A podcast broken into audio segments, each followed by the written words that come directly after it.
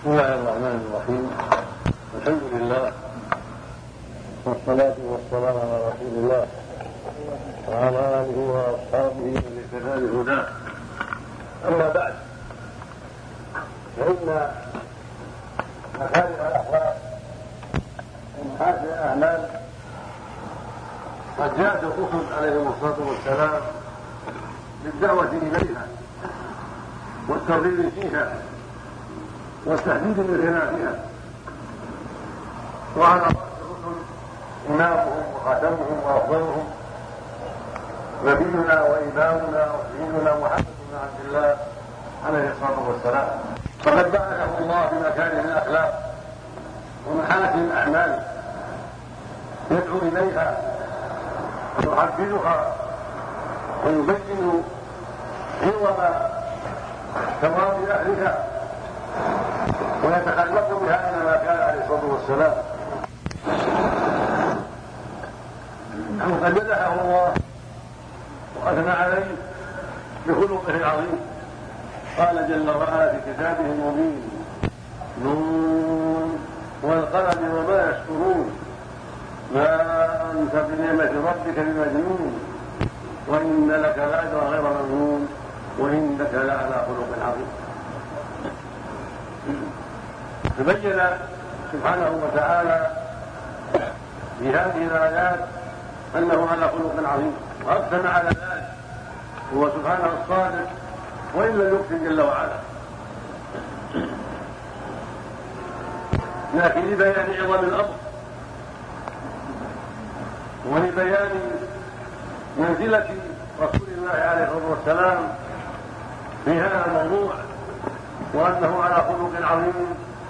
كما ان الله جبله, جبله على خير الأخلاق وأتمها وأحسنها.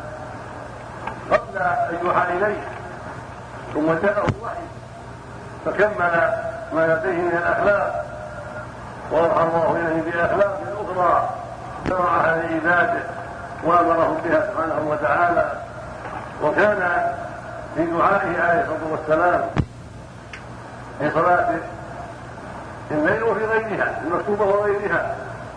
الاستفتاح كان يدعو باستفتاحه ويقول اللهم اهدني لاحسن الاخلاق لا يهدي لأحسنها إلا أنت.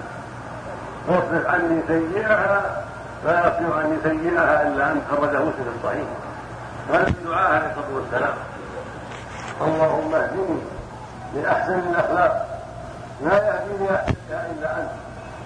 واصرف عني سيئها لا يصرف عني سيئها إلا أنت. وكان اول هذا الاستفتاح يقول وجهت وجهي للذي فطر السماوات والأرض حنيفا وما أنا المشركين. إن صلاتي ونسكي ومحياي ومماتي لله رب لا شريك له. وبذلك أمرت وأنا من المسلمين. اللهم أنت الملك لا إله إلا أنت. أنت ربي وأنا عبدك. ظلمت نفسي واعترفت بذنبي. فاغفر لي ذنوبي جميعا. إنه لا الذنوب الا أنت. واهدني لأحسن الأخلاق. لا يهدي لاحسنها إلا أنت. واصرف عني سيئها. لا يصرف عني سيئها إلا أنت. لبيك وسعديك. والخير كله في يديك. والشر ليس إليك. أنا بك وإليك. تبارك وتعالى. أستغفرك وأتوب إليك. يقول هذا أول ما يكفر. بعض الاحيان في المكتوبة مره ياتي يهدي به بالليل. ثم بعد هذا يتعوذ بالله من الشيطان ثم يسمي ثم يقرأ عليه. وقد جاءت عنه استفتاحات كثيرة منها الاستفتاح الطويل ومنها سبحانك اللهم وبحمدك وتبارك اسمك وتعالى جدك ولا إله غيرك. هذا أقصرها وهو استفتاح عظيم مبارك كله ثناء على الله. وفي بعض الأحاديث زيادة بعد قوله ولا إله غيرك لا إله إلا الله ثلاثة. الله أكبر كبيرا ثلاثة. ثم ثم يتعود ثم يسلم وجاءه أيضا أنه كان يستفتح بقوله اللهم رب جبرائيل وميكائيل وإسرافيل فاطر السماوات والأرض عالم الغيب والشهادة. أنت تحكم بين عبادك فيما كانوا فيه يختلفون. فيه عليه والصلاه والسلام. معنى وعطه الله من الاخلاق العظيمة. يسأل ربه دائما. ويضرع إليه أن يعطه خير الأخلاق وأحسن الأخلاق. ويدعوه بليله ونهاره. أن يرسله إلى مكارم الأخلاق ومحاسن الأعمال. وأن يعينه على ذلك عليه الصلاة والسلام.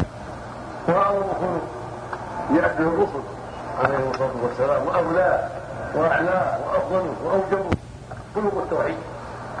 هذا أعظم الأخلاق وأجل وأكملها وأفضلها وأعلاها. أن المؤمن يوحد الله ويبصر بالعباد دون كل ما سواه. وهذا هو أصل الأخلاق الكريمة. وأعظمها أن لا يعبد الأصنام والأوثان ويخضع لغير الله من جن وإنس وشجر وحجر وكوكب وغير ذلك بل الله وحده سبحانه وتعالى. وهذا أعظم الأخلاق. أن تكون مرفوع الرأس.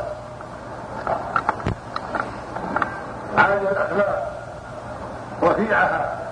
لا تعبد إلا ربك لا تعبدوا إلا ربك ولا تخضعوا إلا له ولا تنيبوا إلا اليه فتنيبوا اليه بإخلاص عبادة الله سبحانه وتعالى. بالصلاة له بالركوع له بالسجود له بالذبح له بالنذر له لا تعبدوا معه سواه وهذا اعظم الاخلاق والله فطر عباده على هذا الخلق ولكن أكثر الخلق ابتلى الشياطين عن دينه وهو لا تنفق بالله فهذا من به سلطان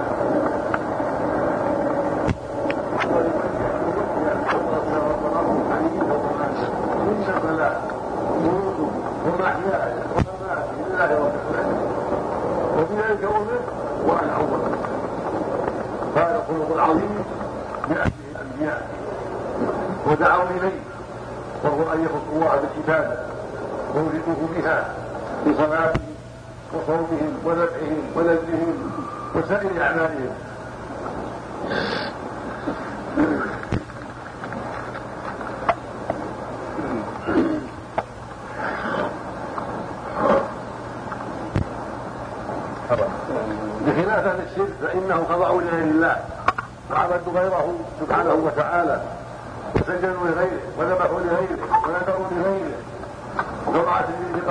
لغيره سبحانه فصاروا في غايه من الانحطاط والذل والهوان حيث عبدوا مع الله سواه وخضعوا لغيره وعبدوا معه من لا يملك ضرا ولا نفعا ولا موتا ولا حياة ولا نشورا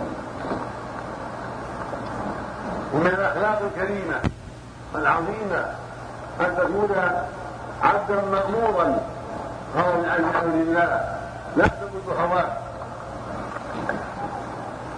ولا تنقاد لأهواء الغيب وأهواء الغيب بغير حجة هذا من أعظم الأخلاق وأوجبها وليس بعد توحيد الله والإخلاص له. خلق أعظم من أن تكون عبدا مطيعا لله ممتثلا لأوامره ذلك لنواهيه متبعا لرسوله عليه الصلاة والسلام لست ممن يعبد هواه. فإن عبادة الهوى من أقبح الأخلاق. ومن سيء الاخلاق قال جل وعلا أفرأيت من اتخذ إلهه هواه واضله الله على علم وختم على سمعه وقلبه وجعل على بصره غشاوة. ومن يهديه من بعد الله أفلا تذكرون. أرأيت من اتخذ إلها هواه أفأنت تكون عليه وكيلا؟ أم تحسب أن أكثرهم يسمعون أو يعقلون؟ إنهم إلا كالأنعام بل هم أضل سبيل هكذا عباد الهوى. كالأنعام. أما أهل الإيمان وأهل البصائر والعقول النيرة البصيرة المتبصرة فإنهم يعبدون الله وحده وينقادون لأوامره وينتهون عن نواهيه ويقفون عند حدوده يرجون ثوابه ويحسنون عقابه. لا يخضعون لأهوائهم ولا لآرائهم بغير الحجة ولا لأهواء غير وأهواء غير بغير الحجة لا هذا من شأن البهائم. البهائم تخضع لاهوائها لا يهمها سوى مأكلها ومشربها وصفاتها وهكذا اشبه البهائم لا يهمهم إلا اهواؤهم كيف يأكلون كيف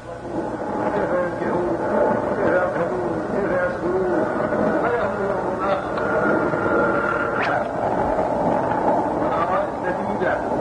التي الله وتعظم أمر الله ونهيه وتعلم أنها مخلوقة بأمر عظيم.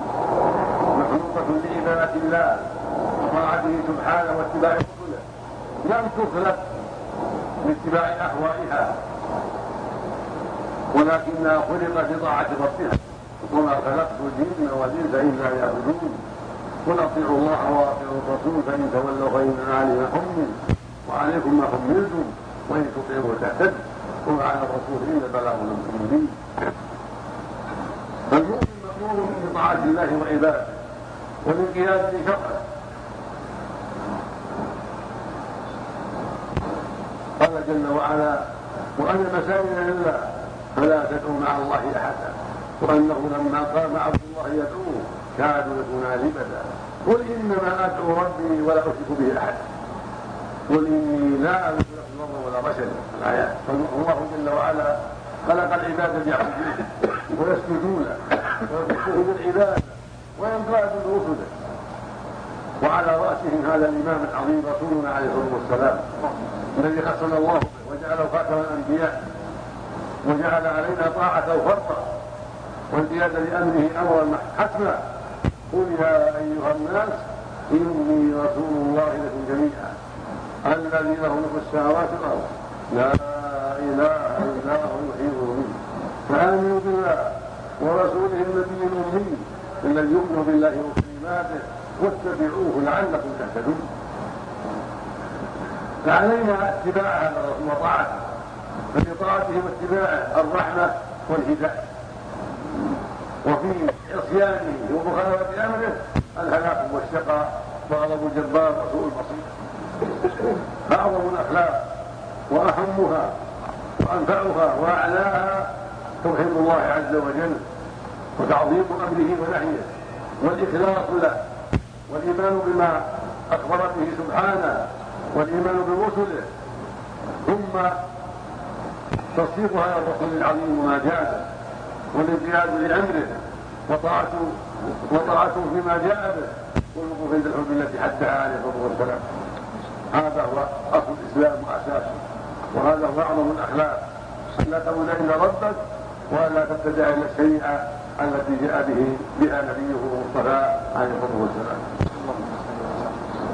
ثم إنه صلى الله عليه وسلم أمر بأخلاق وأعمال